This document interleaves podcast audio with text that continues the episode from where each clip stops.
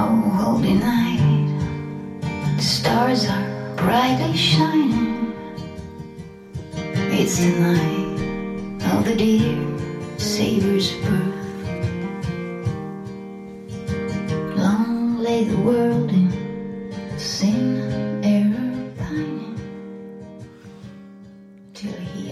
God afton. Det är ju inte god afton. Nej, men snart. Vi säger alltid god afton. Det är efter lunch i alla fall. Det här är ju... Känner ni igen den här sången? Det är ju trots allt jul. A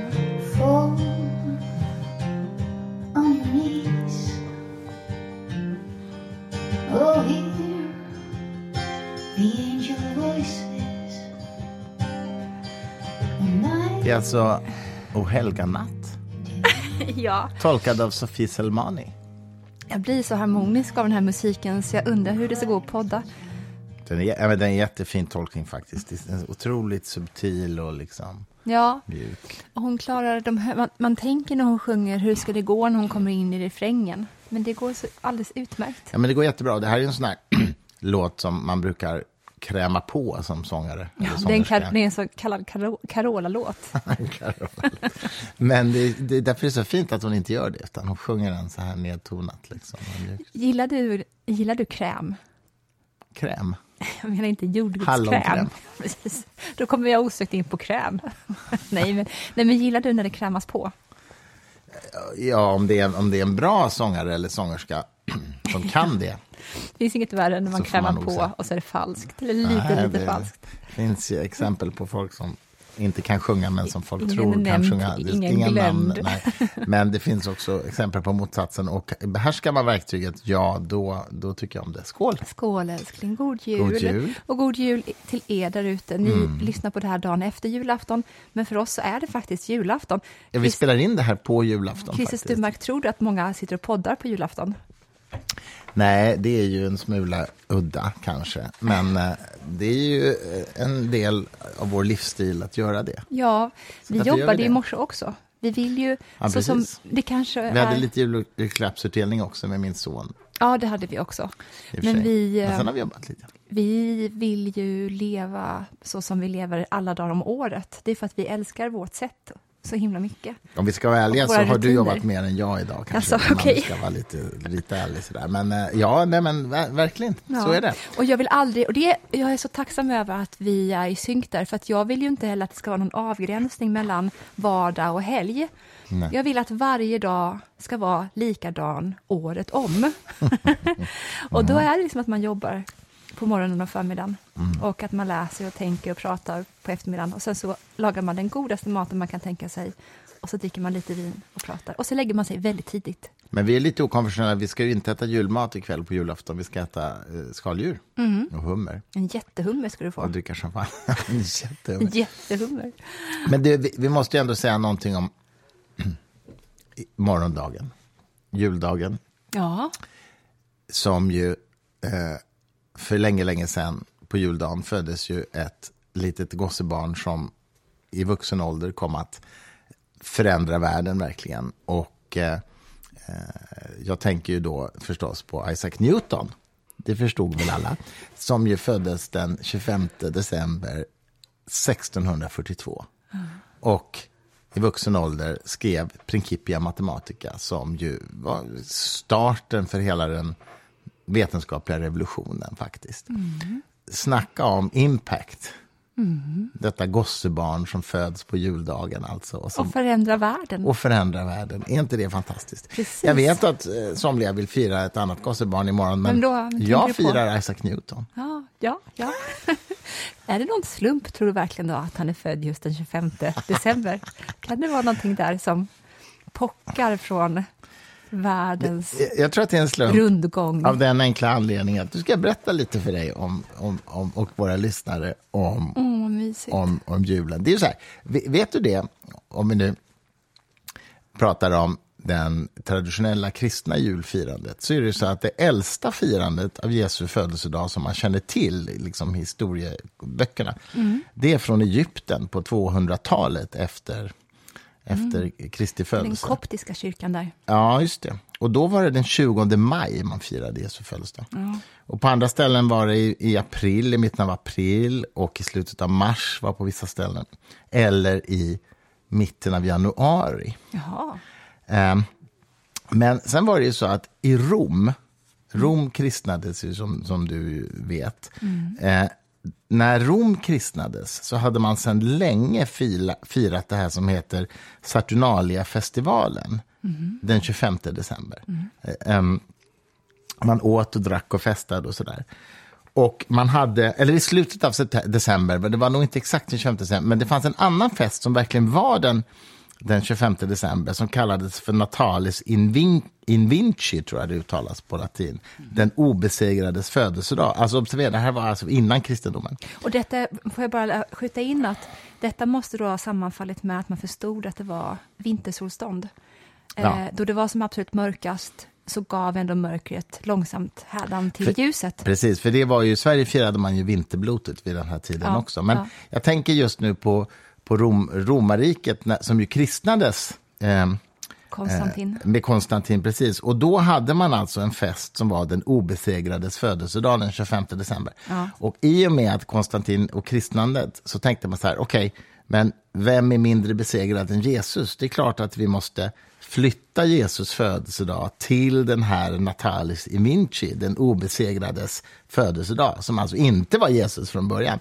Och så lägger vi firandet av Jesu födelsedag det datumet. Och det var den 25 december. Så där kom det datumet in i bilden. Mycket spännande. Får jag vika in bara små meningar ibland utan att för den delen skjuta iväg det i andra riktningar? Att jag Absolut. bara gör små tillägg. Ja. Och det är så att ifall man förhåller sig till Kristus som en arketyp, eh, då skulle man nog inte uttrycka sig så att man tänkte att det var smartare att lägga honom på den dagen man Mm, jag redan Mm. firade. det. Utan snarare är det så då att arketyperna som uppstår inom oss eh, märker vi undermedvetet matchar bättre eh, mot till exempel då yttervärlden.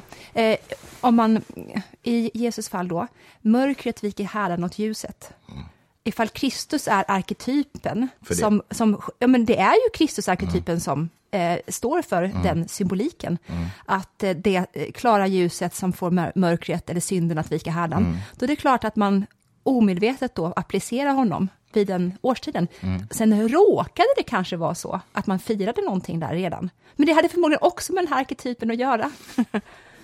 Ja, jag, förstår, jag förstår din poäng, men jag, jag kan också mycket väl tänka mig att det är så att när några då kristna eh, när, när Rom kristnades och liksom de makthavarna ville att det här skulle slå igenom snabbt i de breda folklagren, då kan man ju också ha en väldigt pragmatisk syn på det och tänka att nu använder vi en, en liksom festhögtid som redan är etablerad och så, för, för, och så förlägger vi detta till den dagen.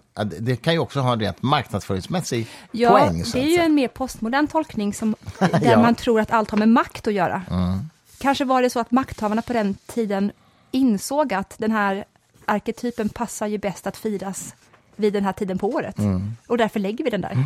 Ja, så kan det vara. Och antagligen är det en mi- missmarsch av alla de här aspekterna som, Ja, som faller sen. Sen är det ändå lite kul tycker jag att jag menar det svenska julfirandet idag Somliga högerpopulistiska krafter eller kristna krafter i Sverige skulle säga så här, ja men det är viktigt av vår, vår, kulturtradition är att fira det här på ett kristet sätt och sådär. Men det är ju väldigt mycket i julen idag som inte har med kristendomen att göra. Tomtarna har ju ingenting med kristendomen att göra, julgranen har ingenting med, Nej, med kristendomen. precis, så det är ju ett mischmasch av grejer. borgarna på 1800-talets slut skulle jag vilja utmåla som roten till all ondska i princip. För att det är Ja. de som morfade ihop Kristus med våra nationalromantiska tankar och seder om hur Skandinavien, vad det är för land och vad det är Ja, för ja, plats och visst, sådär. visst. Och det är därför som till exempel Kristus avspeglas som en blond asagud i många kyrkor och så vidare. Ja, och eh, Sankt Nikolaus, alltså jultomte, eller tomtekonceptet är ju från Turkiet ursprungligen.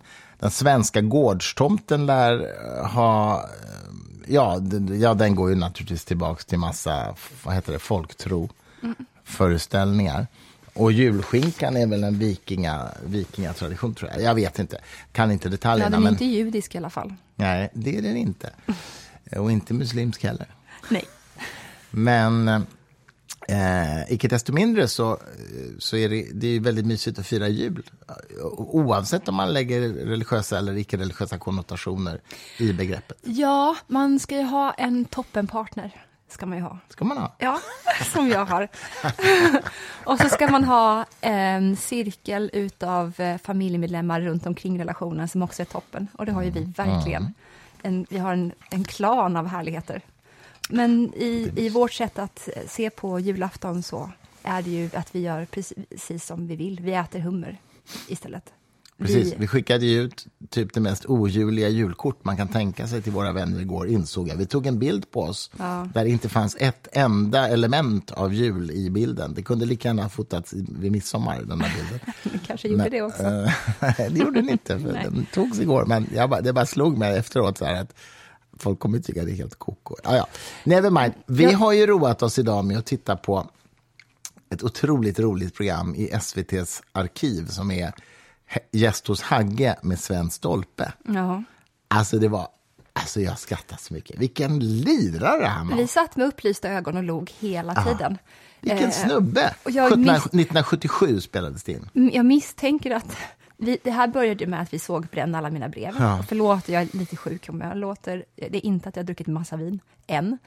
Eh, så vi såg Bränn alla mina brev. Mm. Och eh, jag antar att det som Björn Runge och Alex Schulman var ute efter var inte den reaktionen som väcktes i oss, det Nej. vill säga att vi blev förtrollade av Sven Stolpe. Ja, men han var ju det var ju- fantastisk. Men han var fantastisk. Det kan jag inte säga. Vi måste vara Ja, men- försiktiga. Ja, vänta. Filmen har vi ju sett, men och jag där är han inte så charmig Nej, men, men i gjorde, filmen. gjorde, nej, det är inte. Ja, men han beter det, är, det, det är ett trist beteende, Mm. ganska ofta. Men det är fortfarande så att han är den enda magnetiska varelsen i filmen. Och det har ju också att göra med att Skarsgård, som spelar honom, är väldigt, Mm, gör det väldigt bra. Mm. duktig. Men jag tror inte att en duktig skådespelare skulle kunna göra en, en verklig karaktär magnetisk ifall inte den personen som gestaltas faktiskt var ganska magnetisk i verkliga livet. Och det är för guds skull så att man kan vara jätteondskefull och jättemagnetisk, det behöver inte ens sägas. Men han var i alla fall, den här filmen var i alla fall anledning nog för att vi skulle då gå loss på mer Sven Stolpe-material. Och till vår glädje så fanns det ju då över en timme med Hagge. Och Hagge sitter i någon sån där märklig, han är väl väldigt stylad med någon märklig keps på huvudet. Ja, men det var hans signum. Var det? Ja, ja, han hade alltid det i programmet. Varför hade han det? Varför att han Nej, var men det var skallig? hans gimmick bara. Det vet jag inte, men det var hans Det gimmick var i nog förmodligen att programmet. han var skallig. Kanske. Eh, och han, alltså Agge bredvid Sven Stolpe framstår ju, står ju som någon slapp mört nästan Ja, ja, i visst. Mm. jämförelse. För den explosiviteten, eh, det här dynamiska talet, Mm. det är ju, jag kommer inte på någon som kan jämföras med det. De pratar om katolicismen, Mm. eh, han konverterar ju Stolpe, eh, efter Karin tydligen. Det framstår ju i filmen Bränn alla mina Hans hustru, brev. alltså, Karin. Ja, precis. Det finns ju inte ett spår av religiositet i Karin i filmen, utan snarare då så avbildas Stolpe som den här kristna renhetsfanatiken Mm. som eh, plågar Karin med sina religiösa ideal. Men faktum var ju då att Karin, Karin var lika religiös, Mm. vad det verkar, som han. Och till och med då konverterade innan Stolpe gjorde det. Mhm, det kanske var så. Ja, det, han, det Jo, han sa det. jag. Ja, okej. Mm. Ja, nej, men intressant. Alltså, i film, filmen handlar ju mycket om att Karin har en kärleksaffär med Olof Lagerkrans Mm. till Sven Stolpes extremt stora frustration. Och, och eh, de, de blir för evigt fiender eh, tills de dör. Liksom. Och, Mm. eh, Sven Stolpe skriver till och med en bok om Olof Lagerkrans som ju tar heder och ära av honom. Eh, och sen- men alltså, så- jag, jag tycker Sven Stolpe var otroligt charmig. Sen har han ju en del åsikter som jag tycker är helt koko. Han, verkar, han har en ganska misogyn syn på kvinnor, tycker jag det verkar som. Nej, det tycker inte jag. Nej. Nej, men jag tycker inte det är ute efter, i alla fall hos Hagge, för det är en sak då att han kallar kvinnor ibland för en liten donna som hade skrivit en, en Struntavhandling. struntavhandling. Men samtidigt så är det ju ändå så att han väg åtta år av sitt liv åt att skriva om heliga Birgitta. Och sen så väg han åtta år om sitt liv eh, att skriva om drottning Kristina. Och eh, det, det finns ju inte i hans eh, psykologiska uppfattning att han skulle kalla dem för svaga eller vara Nej, misogyn nej, mot nej, dem. Utan han beundrar ju dem. Man skriver inte så pass länge om någon man inte beundrar. Och han porträtterar dem med enorm inlevelse verbalt Mm. i det här programmet. Och sen så finns det väl bara andra kvinnor han inte har så höga tankar om. Ja. Men om man är rakt igenom misogyn, då har man ju den misogyna blicken på alla kvinnor i ens väg. Och det hade han ju inte. Nej, det hade han ju uppenbarligen inte. Det, det, är, ju, det är ju helt klart. Nej, men han konverterade till katolicismen och han var väl moraliskt väldigt konservativ, får man nog säga.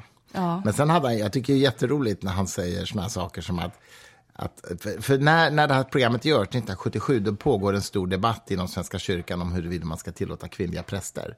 Och, och han är ju jätteupprörd över det här och säger så här, ja, det här är inte en demokratifråga, det här är en teologisk fråga. Ja. Och skulle man komma fram till att teologin medger detta, ja då är det väl inga som helst problem att ha kvinnliga präster. Men om teologin inte medger detta, då ska det inte vara kvinnliga präster. Nej. Och, det är, han är så här, och jag tycker det är så kul för att jag håller ju med honom om detta. Va? Jag håller ju med honom att låt kyrkan, för det första, som han också säger, separera kyrka och stat. Det säger han 1977. Detta sker alltså först år 2000. Ja. Och detta slår han fast. Självklart ska kyrkan och staten inte ha med varandra att göra överhuvudtaget. Han kallar ju staten för en ateistiskt parlament, som han ju föraktar. Va? Då ska Eh, de vara inblandade i de här religiösa Ja, nej, men det är ju dumt. Det är ju jättedumt. Och, och grejen är så här, det här har jag ju sagt under alla år som jag varit aktiv i den här debatten. Det är, separera kyrka, eller kyrka stat var ju redan separerat, men ta bort vigselrätten från kyrkan till exempel. De ska inte ha några som helst juridiska uppdrag. Och sen får de göra som de vill. De får säga nej till kvinnliga präster, nej till samkönade äktenskap, nej till, inte vet jag, blandrasäktenskap eller vad för vansinniga idéer de skulle kunna komma på. Och gillar man inte det så kritiserar man det i den offentliga debatten och man går ur kyrkan om man inte gillar det. Gillar man det så är man med. Jag, jag vet ju att eh, förutom den här logiken som du nu redogör för, så vet jag att det finns vissa sluga motiv hos dig. Som Vad jag har hört dig yttra. Eh, bland annat så har ju du då en tilltro förhoppning till att ifall kyrkan lämnas i fred, Mm. då kommer deras galenskap exponeras. Ja, just det. Och det innebär alltså att ehm, de inte längre behöver ta sån hänsyn som kvinnliga präster eh, och det kommer innebära då att allt fler lämnar kyrkan. Så du tror ju då att om, om man bara låter dem vara i fred, sep- separera kyrka och stat från varandra, då, kommer du, då kan vi bara se på från utsidan hur eh, det imploderar inifrån. Ja. För då, kan de, då har de inte längre de här kraven eller blickarna på sig att reglera sig efter vad som är mera eh, gängse eller eh, vettigt, om du vill kalla det så. Precis. Nej, men du har helt rätt i det. Och, och det här ligger ju i linje med det jag skrev på DN Kultur härom veckan till eh, nya ärkebiskopen att du, måste sluta låta ha folk som passiva medlemmar. Att när folk fyller 18 år ska de få ett brev från kyrkan där det står vill du vara kvar, skriv ja tack, annars tar vi bort det ur registret. Och, och då vet man rent statistiskt att om man gjorde det då skulle kanske kyrkan ha 30% medlemmar istället för 60% Och jag menar, det vore rätt, därför att då är de med som ska vara med. så att säga. De som gillar vad kyrkan gör är då med och inte de andra. Och jag tycker det är Det totally är ju bara en bank-id-lösning bort, i ja, princip. ja, ja, visst, men du vet det där... Jag hade en del kontakt med en kille som eh, startade en webbsida för några år sedan där man kunde gå ur Svenska kyrkan med Ja. bank-id. Ja. Man bara klickade och fyllde i sitt personnummer och anmälde och så bank-id. Och det innebar ju typ 60 000 gick ur kyrkan på en månad eller något sånt där. Och Svenska kyrkan fick ju panik och hade ett extra styrelsemöte och bestämde att bank-id inte skulle gälla Nej. för att lämna Svenska kyrkan. Man måste ha en originalnamnteckning på ett papper. Och, det, och det här är alltså bara, ja det här kanske var två, 2020, 2018 eller 19 tror jag det var. Så detta är alltså ett land där du kan göra alla bankärenden med BankID, du kan donera dina organ med BankID och what, what, vad kan du inte göra med BankID? Du kan skilja du kan, dig med bank-id. Kan du du kan göra. skilja dig med BankID, precis. Men du kan inte gå i Svenska kyrkan med BankID.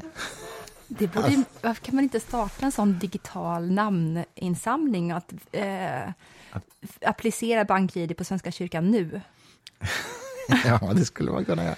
Det skulle man kunna göra. Men alltså, once again, jag vill bara understryka det. Jag tycker ju att, att så här, man kan naturligtvis svepande säga så här att jag tycker det vore jättekul om det var mycket färre medlemmar i Svenska kyrkan, men det är egentligen inte vad jag tycker. Jag tycker att de som gillar vad de står för ska vara med där. Och de som inte gillar det ska inte vara passiva med, medlemmar utan att riktigt veta varför. Det är vad jag tycker. Mm. Och, och då är det ju så naturligtvis att då är det ju upp till kyrkan om de vill ha kvinnliga präster eller inte. Och om de inser att att det kommer kosta dem väldigt mycket medlemmar att inte ha kvinnliga präster, då får de väl vara marknadsanpassade om de vill. Eller så kan de hävda, nej, vi skiter i sådana saker. Vi, vi, vi hänvisar bara till våra teologiska grunder och då kommer vi ändå stå emot det. Eller vad det nu kan vara för annan teologisk fråga. Katolikerna. Ja, katolikerna gör ju det. Eller den- precis. ja, precis, det det är därför jag säger det är mycket, det är mycket he, det, är, Vad det sa är mera ord. Nej, men det är mycket mer lägga på lite så här svulstiga stråkar. det är mycket mer du- intellektuellt hedligt. Vi hängde ju lite grann med den här Opus Dei-prästen häromdagen på Svenska Akademiens högtidssammankomst. That's the real shit, liksom. Jag gillar det. That's the real shit! Ja, ja. Alltså jag tycker inte som honom på en enda punkt, men han står för det. Eller jo, det kanske jag gör i och för sig. Men du förstår vad jag menar. Han står för det utan att ta massa politiska eller populistiska hänsyn. Och det gillar jag. Och det- Även, om jag, även i de fall jag inte alls håller med honom. Jag kan ju visserligen då känna att eh, eh, han tar ingen hänsyn, därför att han har inget val. Man kanske kan tillägga det också. Ja. Det är inte, nej, nej, nej. Eh, Eller? jag, menar att du ger honom för mycket cred. Ja. Det vill säga att han tar ingen hänsyn. Nej, men han har inget val heller. Han har inte det maktutövandet jag som menar Svenska kyrkan har. tar inga Så att hade de blivit, nej precis, de tar ingen hänsyn och det är för att de inte kan. Mm. Det vill säga, hade de blivit erbjudna samma förmåner som Svenska kyrkan Mm. och sen sagt nej till dem, då hade de varit att beundra. Men de blir ju inte jag erbjudna. Ja, ja, jag samma. Ja, jag förmåner som Svenska kyrkan. Så därför ska man inte säga, gud vad ni är eh, nej, jag- ståndaktiga. jag förstår. ja, vad fan ska de vara då? Men det är därför jag gillar när Sven Stolpe säger att frågan om kvinnliga präster är inte en demokratisk fråga, det är en teologisk fråga. Det är så bra. Och staten ska inte ha med det att göra. Sen, är, sen är det ju naturligtvis så att jag tycker att kyrkan självklart borde ha kvinnliga präster, men det är ju en helt annan sak. tycker du verkligen det? Ja, det tycker jag. Skojar. Jo, men det, tycker, men det tycker jag, men, men så att säga, det är upp till dem. Jag är inte ens medlem där. Nej. Men, men säg så här, om jag hade varit medlem Mm. så skulle chansen att jag var kvar öka om de hade kvinnliga präster än om de inte hade kvinnliga präster. så Ja, kan ja. man uttrycka det. Ja, visst. Det står ju absolut ingenstans i Nya Testamentet att detta är en eh, roll som enbart kan innehas av män. Det finns inte. Men eh, det, var, det är alltid kul att se dig tillsammans med Opus Dei-prästen. Och du blir och det blir jag också ska jag erkänna, men det är roligare att bara rama in dig som den här uppspelta artisten som flyger runt Opus Dei-mannen som är, eh, får man säga, Eller, eller om det möjligen är de som blir lite uppspelta av att träffa ja, men det är, det är, ja, men det är Okej, ömsesidigt. ja, det, absolut. det var så roligt när vi kom till Svenska Akademiens högtidssammankomst nu den 20 december. Så det första som händer när vi går ur taxin är att vi möter honom, Opus Dei-prästen Och kardinalen, och biskop eh, Arborelius. Ja. eh, Som Så vi tog följe med dem dit. Katolska biskopen i Sverige och då också... Katolsk, han är alltså kardinal. Ja, och, och numera, sedan några år, också kardinal ja, hos påven i Rom. det är precis. väldigt tungt. Och där alla svenska journalister som inte har koll rapporterade att vi har nu... När han blev utnämnd till kardinal alltså. Eh, ja, precis. Arborelius. När kan det Sve- vara? För jo, så- sju år sedan kanske? Ja, något sånt. Så säger alla svenska journalister, jag tappade plötsligt bort vad det var jag egentligen, Ja, men min poäng, men jag kom, jag- jag kom på det. Nej, Sverige har fått sin första kardinal, sa man i massmedia. Och Det gillar du inte? Nej, för det har ju Sverige verkligen inte fått. Sverige har inte fått sin första kardinal. Däremot har Vatikanen fått sin första svenska, Svenska kardinal. Mm, och det är en jävla skillnad. Ja, Språklogik är inte någonting som kanske journalister är, är jättetränade besatt, på. besatta utav. Men han är väldigt, eh, jag tycker väldigt mycket om kardinalen Arborelius. Ja, men han är jättecharmig. Ja, det är han. Eh, och jag skulle, vi har en bok här hemma någonstans om Opus Dei och jag är verkligen nyfiken på dem.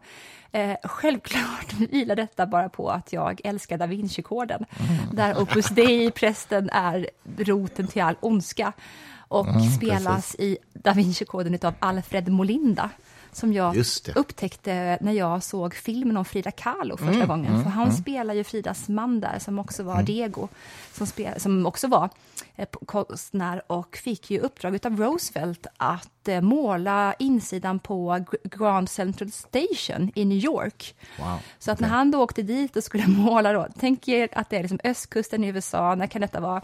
Eh, kan det vara under 20-talet innan den stora depressionen kommer antar jag? Då åker alltså Diego Reves, heter han, och ska måla. Och då väljer han, trots att han då fått uppdrag av de här superkapitalisterna, då målar han liksom arbetarrörelsens eh, revolt mot eh, företagarna. Så att i de här uh, folkhoporna han målar så målar han in Stalins ansikte Mhm. och sådana. Så när de sen kommer och ska kolla på det här uppdraget vad alla målat, då är det bara en super hardcore kommunistisk manifestation han har gestaltat där. De bara, vi kan tyvärr inte ha det så här i tågstationen i New York. Han bara, well fuck you then. Och så, så åkte han hem. Är det så? Ja, det är sant. Gud vad roligt. Fattig som fan, jätteöverviktig. Eh, hon var ju pytteliten i jämförelse med honom. Han var ju också sexmissbrukare. Kanske hon också var, vem vet. Men hon hade någon, Frida Kahlo, Mm. hade väl någon slags ryggskada va? Ja, hon var med i en spårvagnsolycka när hon var jätteliten, där hon fick obehagligt nog skenor inkörda i ryggen. Det, var, alltså, det gick i tu den här.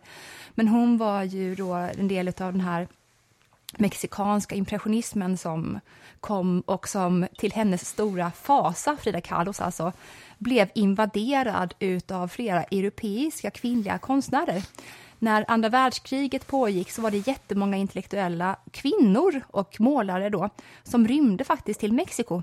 Och de då var också impressionister. Och Frida hade då varit den här ensamma bidrottningen, kan man säga, det här manliga målarriket. Och sen kom då flera kvinnor, däribland min favoritkonstnär Leonora Carrington. Eh, Leonora Carrington som för övrigt hade en lång kärleksrelation med Max Ernst. Eh, Max Ernst flydde till Var det henne vi såg en dokumentär om? Nej? Nej, vi såg en film däremot om eh, Peggy Guggenheim. Just det, just det, just och. Peggy Mm. Guggenheim var ett tag gift med Max Ernst. Så var det ja. Jag kände väl att det var någon koppling Det var här. en koppling där. Så Max Ernst lämnade då Leonard Carrington, åkte till New York, gifte sig med Peggy Guggenheim och hon var mycket besvärad över att Max hela tiden lånade hennes damkläder. Åh, men gud. Ja. Okej. Ja. Nej, men eh, eh, så om man ska prata om feminism eller antifeminism, när Frida Kahlo då plötsligt blir utsatt inför att ha flera kvinnliga konstnärer omkring sig, då baktalar hon ju dem utav bara helvete och skriver liksom så här, oh, anonyma hotbrev till dem, där hon kallar dem för så här, europeiska jävla slynor och sånt. Nej. jo, det är sant. Gud. Ja, de bara, vem är det här liksom? Varför, varför kommer det här? Så att det var inte så mycket systerskap i hennes vänsteraktivism i alla fall. Nej. Det var det inte. Men du, du, du lovade faktiskt att berätta för mig lite nu i podden om... Vi, vi var ju som sagt på Svenska Akademins högtidssammankomst och som ju akademin grundades av Gustav III. Ja. Och vi var i det här nyklassicistiska rummet i Börshuset där själva sammanträdet ägde rum med kungafamiljen och alltihopa. Ja. Där förklarade du för mig att hur ser man att det var nyklassicistiskt? Det är det ena jag vill att du berättar. Och sen den andra storyn om Gustav III. Du ville berätta något om Gustav III, Ja, jag har ju haft en liten Gustav III-period i mitt liv. Ehm, liksom Napoleon. ja, Napoleon är bestående. Jag hade en, en fas utav Gustav III. Eh, inte för att Gustav III var något militäriskt geni, utan för att hela hans liv var ett grekiskt drama egentligen. Varför? Och jag tycker att det jag, ska, ja, det ska, jag tar det faktiskt. Det är mycket roligare än va, hur man ser att någonting är nyklassicism. Kortfattat så är det väldigt mycket grekiska tempelkolonner som man inreder husen med på insidan. För så var det i det rummet som Ja. vi satt i. Ja, precis. Och det smyger sig väl på under då barocken, men sen så blommar det ut fullständigt i, under 1700-talets slut. Eh, slut på den grejen. Vi kan prata om historiska konstepoker mer en annan gång. Men eh, nu har inte jag uppdaterat mina Gustav III-kunskaper, så att jag tar bara det som jag helt enkelt minns. Och Gustav IIIs pappa var ju då den här monarken som fullständigt gav bort all makt till den svenska adeln. Han var inte den vassaste kniven i lådan och eh, hade inga problem med det heller, att han inte var det. Så att eh, under sin livstid så eh, hade Gustav IIIs pappa bara öppna händer med, fulla med makt som folk kom och tog från honom.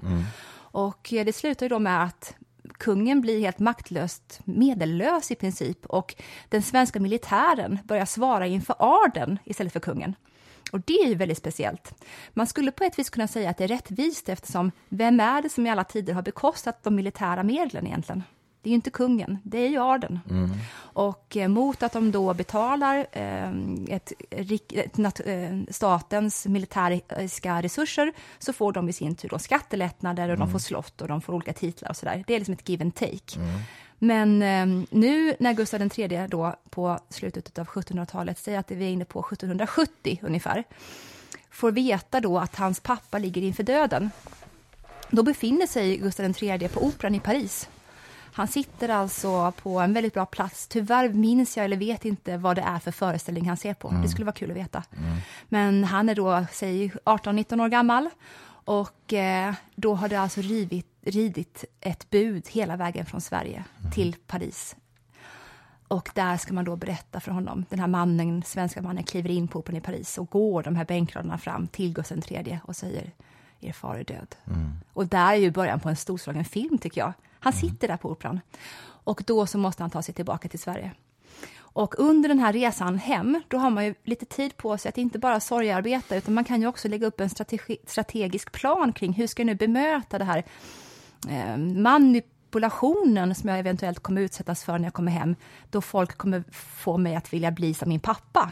För han var ju väl medveten om situationen som var i Sverige och att hans pappa gjorde egentligen Gustav III arvslös på makt.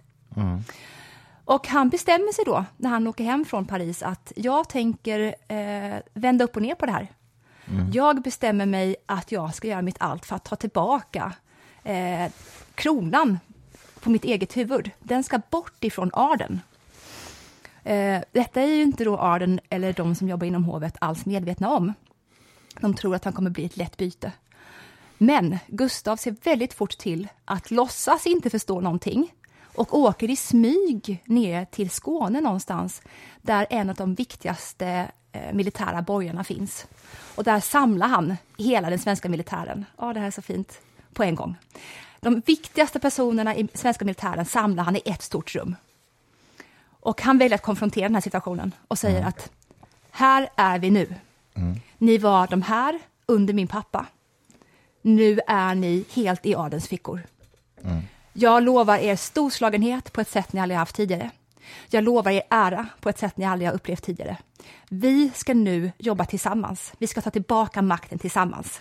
Och då är då frågan, är ni med mig eller är ni emot mig? Väldigt, väldigt förenklat och förkortat. Och då är det en sån här situation som jag berättat om tidigare i podden om med Napoleon. Att han vet ju om det, att om de skulle arkebusera mig nu, det är inga problem för dem. För att det är adeln de svarar inför. Så att det är en jättelivsrisk han tar. Men då utbrister såklart då militären. Länge leve konungen, länge leve konungen, länge leve konungen. Okej. Och eh, man visar också då den här troheten med att man har en bindel runt sin arm, en vit bindel runt sin arm, för att då visa att jag är för kungen. Så att han gör en kupp mot sitt eget land och tar ifrån adeln alla dess då privilegier, Privilegier, så som de hade känt dem sedan flera decennier tillbaka. Och där kan man också säga är hans början till fallet. För vad kommer adeln så småningom se till som hände? Upprör du så mäktiga män så kommer det en gång komma ett attentat mot honom. Mm, och och det det, är gjorde det precis han som kommer ta honom i slutet av livet. Och det var Ankarkrona, va? Eller? Eh, Ankarström. Ankarström kanske? Och eh, han var ju bara en enkel, han var page på hovet förr i Mm. tiden, Ankarström. Han var född i Uppsala. Och det var ju inte så att han egentligen, ja, han, han, Ankarströms historia ska vi ta en annan gång, för Mm. den är helt fantastisk. Vi särskiljer Gustav III från Ankarström, för den, är det någonting som får mig att gråta så är det Ankarströms liv. Den är fantastisk. Mm. Men Gustav III grundar Svenska Akademin i alla fall. Precis, så att nu när ni då vet grunden så kan jag bara snabbspola resten. Han grundade Svenska Akademin och det har ju att göra med såklart att han har varit i Frankrike under lång tid och där finns ju då Franska Akademin så att detta är då en kopia på vad han har upplevt i Frankrike. Eh, han bestämmer sig också tyvärr för att försöka erövra ryska delar som då ligger i Finland och eh, begår dåliga militäriska beslut. Han är ju inget militäriskt geni överhuvudtaget. Så att när han leder armén, trots att han är en storslagen person, så läcker ju då armén pengar. Och de kan ju knappast gå till adeln och be om mer nu. Så att det är en 15 till 20 år som är en, ett getingbo i Sverige, politiskt, klassmässigt och som kommer sluta i ett skott på Operan i Stockholm. Så att hans liv kan man säga börjar och slutar på samma sätt. Det börjar på en opera där han får besked om sin fars död. Wow. Det slutar på en opera där han blir skjuten. Vi måste ju kolla vilka föreställningar det var i båda fallen. Ja, visst. På den tiden i Stockholm, när, ni vet ju hur Svenska opera, eller Stockholmsoperan ser ut. På den tiden så fanns det ett tvillinghus till operan som låg mitt emot. Så det var en spegling av varandra. Tyvärr så då så blev det andra för fuktangripet och sådär. Så att det finns bara ett av dem kvar, men från början var de faktiskt två. Eh, och jag vill också rekommendera en fantastisk bok som nästan har inte jättemycket med Gustav III att göra, men den har med den här tiden i Stockholm att göra. Och den boken heter Lacrimosa. Eh, jag minns inte vad hon heter nu, men vill ni liksom röra er i Stockholm på den här tiden, jag tycker att den är mycket, mycket bättre än, förlåt, eh, 1793 och sådär. Eh, vi får vara med när, eh, vad heter han nu igen? Törnrosen, vad heter han? Carl Jonas Love Almqvist får vi följa med och man får följa med i hur det var på Operan på den tiden. Mycket speciell historia. När var Gustav III Berg, kung? Alltså, vad... Han dog 1791, Ja, eller var det 72? Ja, men 71 eller 72. Och tillträdde? Det kan inte jag i huvudet. Nej, okej. nej. Jag bara tänker att han är väl den svenska kung som förknippas mycket med upplysningen, eller hur? Upplysningsidealen. Och det kanske snarare säger mer om hur otroligt eh, bildligt fattiga vi har varit, för att ifall han är den kungen som bäst gestaltar upplysningsidealen så, är, så är inte det mycket att komma med. Nej. Han var inte en intellektuell på det området. Var han inte det? Nej men, nej, men däremot var han ju det vad det gäller konst och kultur. Han var ju teaterkungen, han älskade ju teater. Ja. Eh, men jag förknippar i alla fall inte upplysningen först och främst med teater. Nej. Även ifall Rousseau faktiskt skrev ju en hel, och Voltaire skrev ju jättemycket teaterpjäser också. Ja. ja, just det. Det gjorde han ju. Ja, en liten parentes. Eh, Rousseau var ju samtida med Rameau. Rameau var ju då en tonsättare på 1700-talet i Frankrike, andra hälft. Ni måste lyssna på Rameau om ni inte har gjort det. Och eh, Rameau var ju tusen gånger bättre än Rousseau. Rousseau var ju tänkare och filosof och pjäsförfattare, men Ro- Rousseau hade en bild av sig själv att han skulle minsann skriva musik också. Eh, Men då var ju då Rameau mycket bättre, varpå då Rousseau skickade ut massa eh, brev om honom, ungefär på samma sätt som Frida Kahlo gjorde, och baktalar Rameau och skriver att han är snål. Och så Nej. det är det värsta han kunde komma på. Det är så himla fint med den tiden. Det var inte så att han skrev att han var så här barnaskändare. Han bara, han är snål. Oj, vi är lite förkylda båda två. Ni får verkligen ursäkta att vi hostar lite grann. Ja, Eh, men du, jag tänker på eh, eh, Kungliga Vetenskapsakademin är ju samtida, det är ju 1739 som, som den eh, grundas. Och eh, det här var ju innan Gustav III tillträdde då, Eh, vad sa du, 1793? 39. Ja, verkligen långt innan. Precis, så det var ju långt Jaha, innan. men vä- vänta, jag fattar inte. Alltså Kungliga Vetenskapsakademin grundades 1739. Oj! Av Carl von Linné, Ja, ja, ja, jag Celsius. förstår. Det var bara att Gustav III kom och gjorde, gav Kungliga Akademin sin kulturella gren. Det måste ju vara så. För att, det, för Ja, att men de, de 18 är ju... Ja, det är Svenska Akademin. Men de ingår inte i Kungliga Vetenskapsakademin. Svenska Är inte de Akademin som delar ut Nobelpriset i litteratur. Har de inte någonting med varandra att göra Nej. ekonomiskt? Nej. Ta vår anledning till att vi var på... på um, Jag vet aldrig vad vi är, jag vet inte varför vi är där. nej, precis. liksom i bilen när du kör vilse på Lidingö. Ja. Nej, men eh, alltså, anledningen till att vi var på Svenska Akademins högtidssammankomst Mm. förra veckan var ju för att Åsa Wikfors, professor i teoretisk filosofi. Är författare hos mig på Fri Tankeförlag. Och hon är ledamot i Svenska Akademin. Ja. En av de, de aderton, men också ledamot i Kungliga Vetenskapsakademin. Så att du kan ju vara ledamot i båda, men akademierna i sig är, ingår inte i varandra eller har liksom ingen formell koppling. De är kallas bara för de Ja, de är två kung, helt olika. kungliga båda två. Ja, är de är, det. de är, båda är Kunglig kungliga. vågleverantör utav intellektuellt kapital. Ja, båda är kungliga akademier, men de har tillkommit av helt olika skäl och vid olika tidpunkter. Men Kungliga Vetenskapsakademin var ju Carl von Linné som eh, grundade, Ja. tillsammans med Anders Celsius och Kristoffer Polhem och några andra. Det är lite kul, alltså, och det är de som hanterar Nobelprisen, Ja. eh, i, alltså de naturvetenskapliga Nobelprisen. Ja. Och faktiskt ekonomipriset, trots att inte det är ett Nobelpris. Det vet jag att ekonomipriset är inte Nobelpris. Svenska Riksbanken som... Eh, det Svenska Riksbankens pris till Stefan- Nobels minne. Ja. Men, men KVA, Kungliga Vetenskapsakademin, har fått i uppdrag att så att säga, hantera det och eh, utse det och förvalta det och ta hand om det. Mm. Och sen i medicinpriset det är ju Karolinska institutet som hanterar. Mm. Så det är lite... Eh, Jag säger alltid fel på de som heter Stefan eller Staffan. Eh, Ingves, vad heter han i efternamn? Förnamn? Stefan Ingves. Heter han Stefan? Mm. Okej, han var ju också, vi såg ju honom eh, på The Artons som vi var på. Ja, han var där också. Han var där. Ja. Han är jätteliten. Jag trodde han var lång, han är typ 1,20. ja. Ja. Men eh, bara en grej som är lite kul, apropå det som vi har pratat om, eh, kanske inte i podden inser jag nu, men vi pratat om det en del, nämligen det här med att akademiernas tredje uppgifter, att man inte bara ska forska utan också sprida kunskap till, till allmänheten. Det är ju det som jag Folkbilda. försöker, ja, det är det jag försöker göra med Fri Tanke förlag. Men, men eh, det är rätt kul då att ska man veta att Kungliga Vetenskapsakademins måldefinition, alltså den beskrivningen av Kungliga Vetenskapsakademins uppgift från början, det var citat, i Sverige upparbeta och kringsprida kunskaper i matematik, naturkunnighet, ekonomi, handel och nyttiga konster och manufakturer.